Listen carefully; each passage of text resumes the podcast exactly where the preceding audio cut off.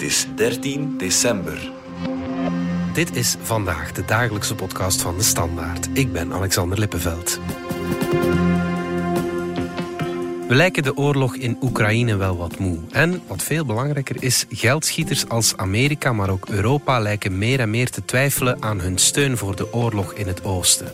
Onze collega Corrie Hanke is momenteel in Oekraïne om verhalen van dicht bij het front op te tekenen. Hoe valt die afkalvende steun bij de Oekraïners zelf? En hoe kunnen zij nog overleven in een stuk geschoten land?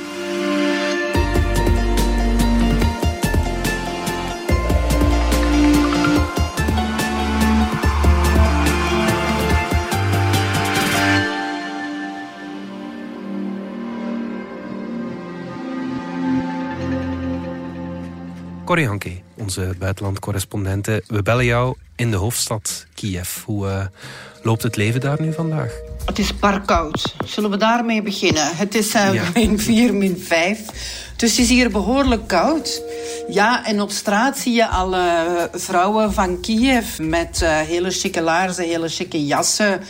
Uh, super modieus. Hier op straat zou je echt niet zeggen dat het een beetje verder oorlog is. Ik ben gisteren gaan wandelen en ik kwam langs. Je raadt het nooit. Het ene heette Lilla Cake en het andere heette Ministry of Desserts. Het was zondagmiddag. Maar die koffiehuizen die zaten afgeladen vol. Uh, de winkels draaien. Uh, ja, Kiev lijkt eigenlijk een gewone stad.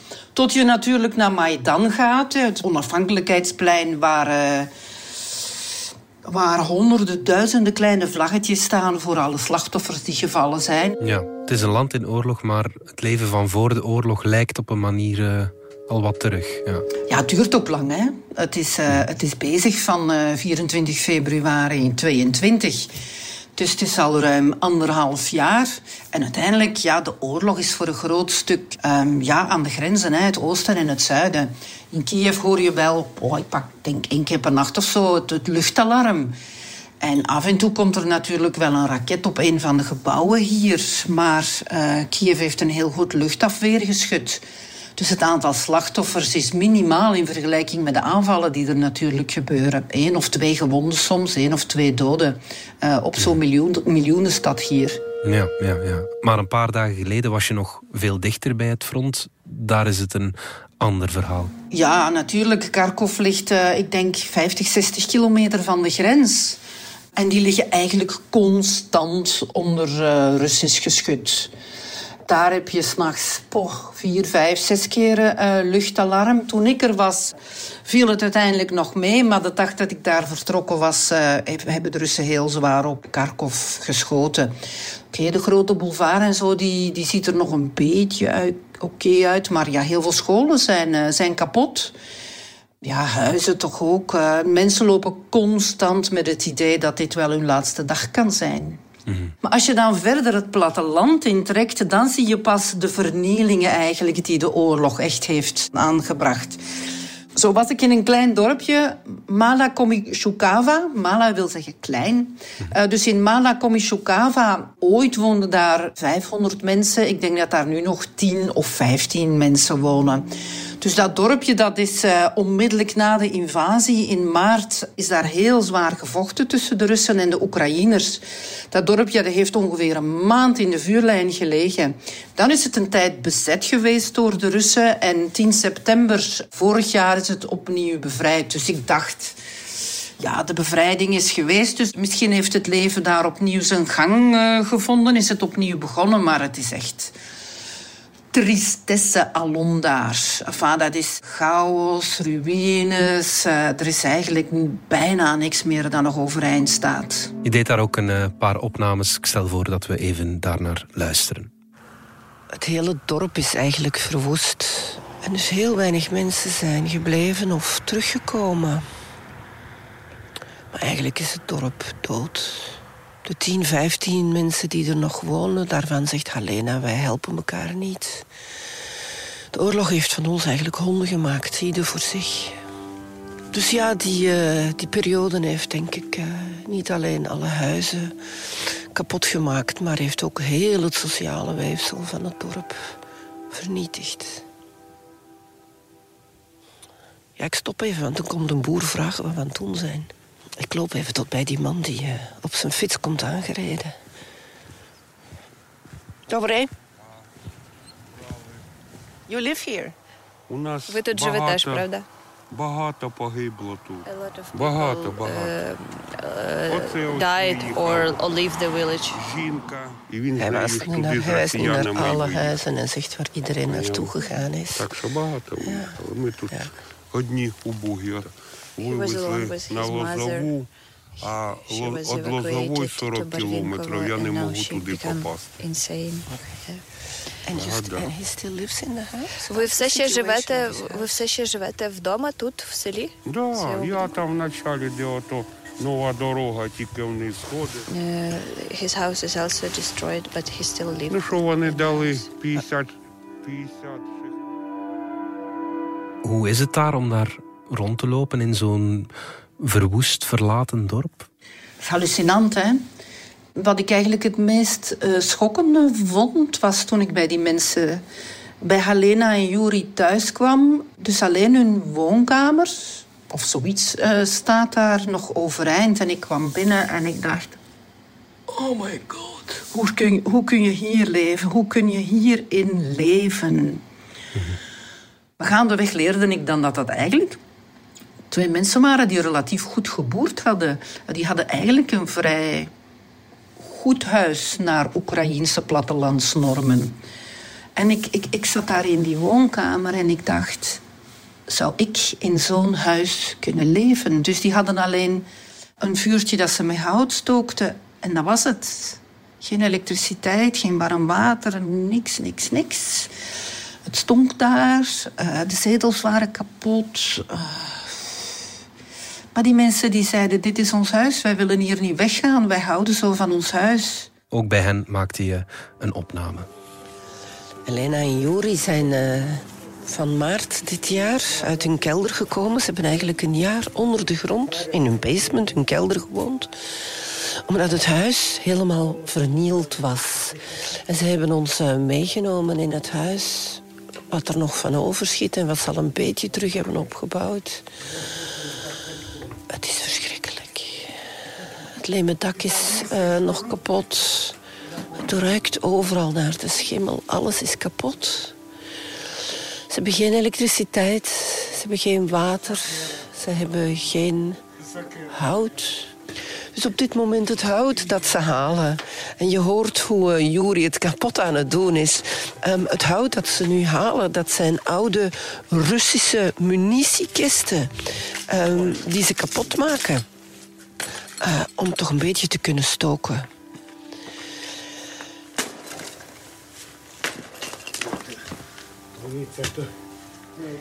Ik vraag Juri, want het is godverdikke koud. Ik vraag Juri, uh, hoe denk je deze winter te doorkomen? En hij zegt, uh, we zijn van het platteland. We zullen, we zullen wel overleven. Beneden in de kelder staan tientallen bokalen. Want uh, Helena heeft van de weinige groenten die ze nog op de tuin heeft gehaald... heeft ze allemaal geconserveerd... Uh, om toch een beetje te eten te hebben deze winter en voor de rest humanitaire pakketten. Dus ja, eigenlijk zijn ze heel optimistisch, maar één jaar na de bevrijding ziet het er verschrikkelijk uit. Juri zegt, we overleven dit wel. Dat getuigt wel van een ja, optimisme en een, ook, ook een soort nuchterheid. Hè? Ik vind vooral van optimisme. Wat me heel erg opviel was... Uh, hoe die, die man en mevrouw uh, van elkaar hielden tijdens dat gesprek. Gewoon hun mimiek, de, de wijze waarop ze elkaar aanvulden. Dus ze gaven zo de indruk van samen, samen komen we daar wel door. Maar uiteindelijk, ze hebben ongelooflijk veel verloren. Hè. Ze hadden acht koeien voor de oorlog. Dat was behoorlijk wat geld. Dus ze hebben er dan een paar moeten verkopen om de bevalling van hun dochter te kunnen financieren. Hebben ze er verkocht om de broer, waarvan ik denk dat hij in een massagraf gegooid was, om die te laten opgraven en een, een, een deftige begrafenis te geven. Ja, en de rest van de beesten konden ze toch niet voederen, omdat alle weilanden, alle bossen, er ligt zoveel explosieven, dat daar toch geen ruimte was uh, om, om die koeien te laten grazen. Dus ze hebben die uiteindelijk voor een habbekrat Ik denk voor een tiende van wat ze normaal voor die koeien zouden krijgen, hebben ze verkocht. Dus ik vroeg aan hen van hoe overleven jullie nu eigenlijk? Want echt een inkomen hebben ze niet meer. En ging die vrouw naar de kelder en die ging daar dan een, uh, een voedselpakket halen dat ze van een internationale organisatie had gekregen. Haalde daar zeven dozen bonen in tomatensaus uit. En ze zei daarmee uh, dit voor een stuk. En dan heel erg bij de gemeente gaan aankloppen om toch hopelijk een klein beetje steun, financiële steun te krijgen, om toch het allernoodzakelijkste te kunnen kopen. Dat is armoede, dat is echt pure armoede. Ja, ik begrijp, om eerlijk te zijn, niet waarom je dan niet ja, weggaat, waarom je niet vlucht, al is het maar tijdelijk, om later terug te komen, om alles weer herop te bouwen. Hun wortels zijn daar, hun doden liggen daar. Misschien hebben ze geen mensen in de stad. Het waren echt mensen van het platteland. Ik denk dat ze vanaf hun huwelijk, en het waren late vijftigers, uh, ik denk dat ze vanaf hun huwelijk in dat huisje gewoond hebben. Ik denk dat dat een ongelooflijk grote stap voor hen zou geweest zijn. Om, uh, om, om dit in de steek te laten en, en veiliger oorden op te zoeken. Mm, mm, mm. Je bent ook dichter bij het front geweest in uh, Bakhmut, een stad die we goed kennen door de hevige strijd die daar gevoerd is? Ik ben aan de rand van Bakhmut geweest. Hè. Dus. Bakhmut is een slagveld op dit moment, dus daar kom je niet in. Ik was ingekwartierd bij een tankdivisie. Koude winter. Dat wil zeggen wegen die amper te bereiden zijn. Dus heel moeilijke omstandigheden voor de soldaten om daar te vechten, want die staan in loopgraven. Maar wat ik daar vooral geproefd heb of gehoord heb, is een soort vermoeidheid. En toch ook wel wat soldaten gesproken die te neergeslagen zijn. Omdat de oorlog stokt. De Oekraïners maken amper nog vooruitgang. Het Westen haakt af. Gaza gaat met een pak aandacht lopen. De jongeren in de steden, zoals ik ze daar straks beschreef in Kiev, zijn niet geneigd om naar het front te gaan om hen af te lossen. Dus het is eigenlijk een beetje treurenis. Mhm. Maar als je dan met hem praat en je duwt door in zo'n interview, dan. Uh, dan zeggen ze natuurlijk dat dat niet zo is en dat ze altijd wel gemotiveerd zullen zijn en dat ze de Russen echt wel lik op stik zullen geven. Maar toch, ze zijn boos en treurig. En ik denk een beetje wanhopig. Er was één soldaat met wie ik praatte en die zei... Ik heb niet gezien hoe mijn zoon zijn eerste tandjes kreeg. Ik heb zijn eerste woordjes niet gehoord, want ik zit hier al zo lang aan het front. Mm Ah, ze kunnen niet naar huis, want ze kunnen niet gedemobiliseerd worden. Ene keer dat je in het leger bent, is dat eigenlijk tot het eind van je dagen... of dat je in een kist of gewond terug naar huis komt. Dus dat kan al niet. Tweede, er zijn dus te weinig mannen om hen te vervangen. Mocht de overheid al beslissen om de mobilisatieregels aan te passen. Dus wat zeggen zij? Ja, we moeten blijven vechten. En dan krijg je altijd dezelfde boetade. Als de Russen stoppen met vechten, is er vrede. Als wij Oekraïners stoppen met vechten, is het gedaan met Oekraïne. Dan bestaat ons land niet meer. Dus dat gevoel hebben ze, toch de mannen waar ik mee gepraat heb, dat hebben de meesten wel. Maar het is slepen met de voeten. Poef. Ja. Mhm, mhm. Je sprak met hem, je hebt dat ook opgenomen, uh, zo'n gesprek. En ja, die frustratie die voel je wel, al was het maar om de munitie die ontbreekt. Karina, can you ask one of the, the, the, guys who work with the tanks how frustrating it is to, to stand here and not to be able to fight because they don't have the bullets? Дуже засмучує, бо не We are really upset and uh, sad because we can't be effective now. Yeah, you can only now react in emergencies. Піхоті потрібно. Yeah, so we have uh, a, a, a small quantity of uh, the bullets for the case emergency cases.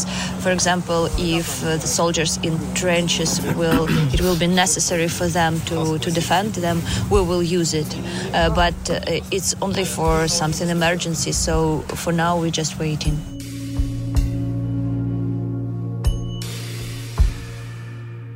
Corrie, hebben die soldaten daar het gevoel dat ze in de steek gelaten worden door het Westen? De meeste wel.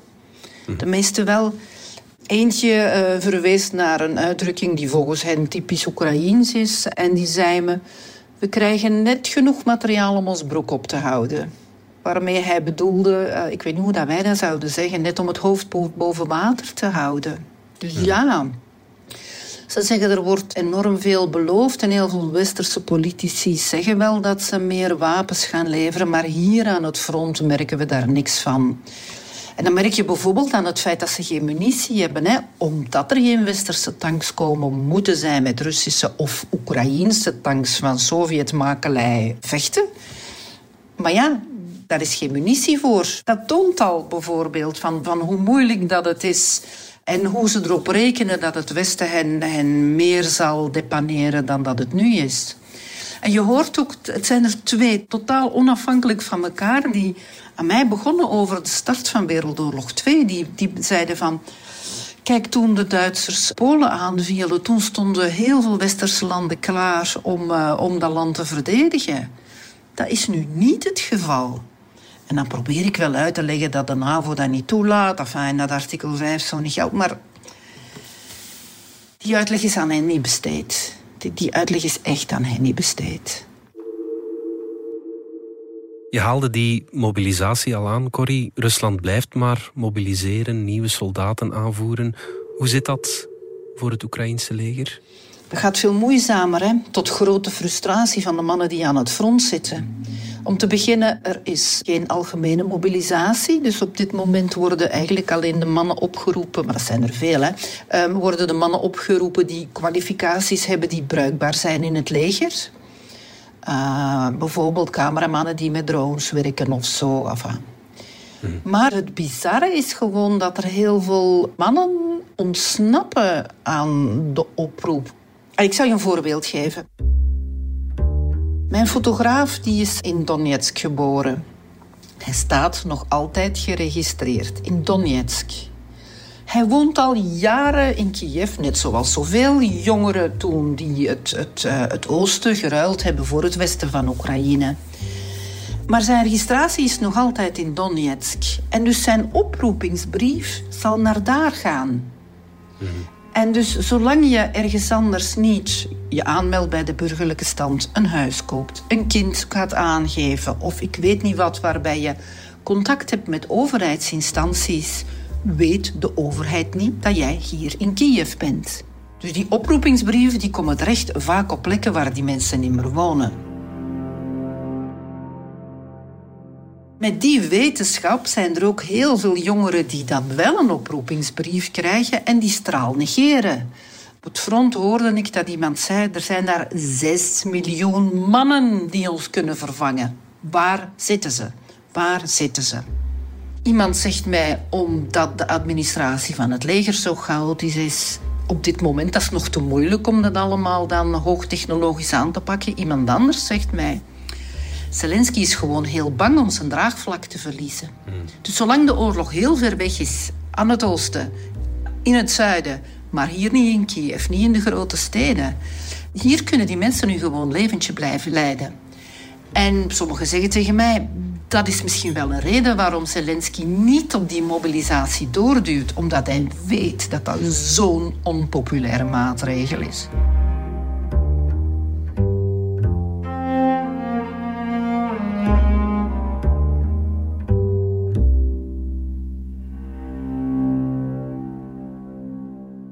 Corrie, we hebben het afgelopen anderhalf jaar, goed anderhalf jaar, elkaar al heel vaak gesproken over uh, Oekraïne.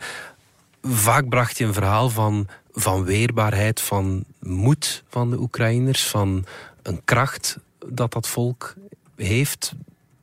Maar dat lijkt gekeerd op, op een of andere manier. Heb ik, heb ik dat juist of niet? Um, het gevoel van we kunnen het wel, dat wordt nog altijd aan het front wel verkondigd. Mhm. Maar ik heb heel erg het gevoel dat de moed veranderd is. Ja. Het uh, yes we can gevoel is, is volledig weg. En, en Rusland heeft zich kunnen herpakken. Ik hoorde een paar dagen geleden, heeft nu betere drones dan de Oekraïners. Heeft zich heel goed en degelijk ingegraven um, aan, aan de frontlijn. Ik zie de toekomst eigenlijk vrij somber in hier. Ik weet niet hoe ik ze moet inzien, de toekomst. Ik kan, ik kan mij niet voorstellen dat Rusland dit land zou inpikken. Ik kan me dat niet voorstellen. Samen als al die Oekraïners, of de meeste van die Oekraïners, zich dat niet kunnen voorstellen.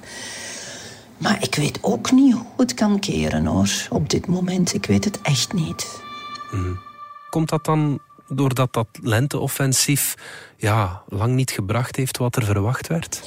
Ja, en dat lenteoffensief heeft niet gebracht wat ervan verwacht werd, omdat de wapens uit het Westen niet kwamen. Ik ga nu mijn boekje als eh, neutrale uh, journaliste buiten, maar ik denk dat als wij, als het Westen wil dat Rusland Oekraïne niet inneemt, dan hadden wij een jaar geleden massaal aan de kant van de Oekraïners moeten staan. Wat wij doen is mondjesmaat, wij, de Amerikanen, de Duitsers, de Engelsen, mondjesmaat materiaal leveren. Waardoor het lijden in de loopgraven alleen maar verlengd wordt. Corianke, hou je goed daar en uh, dank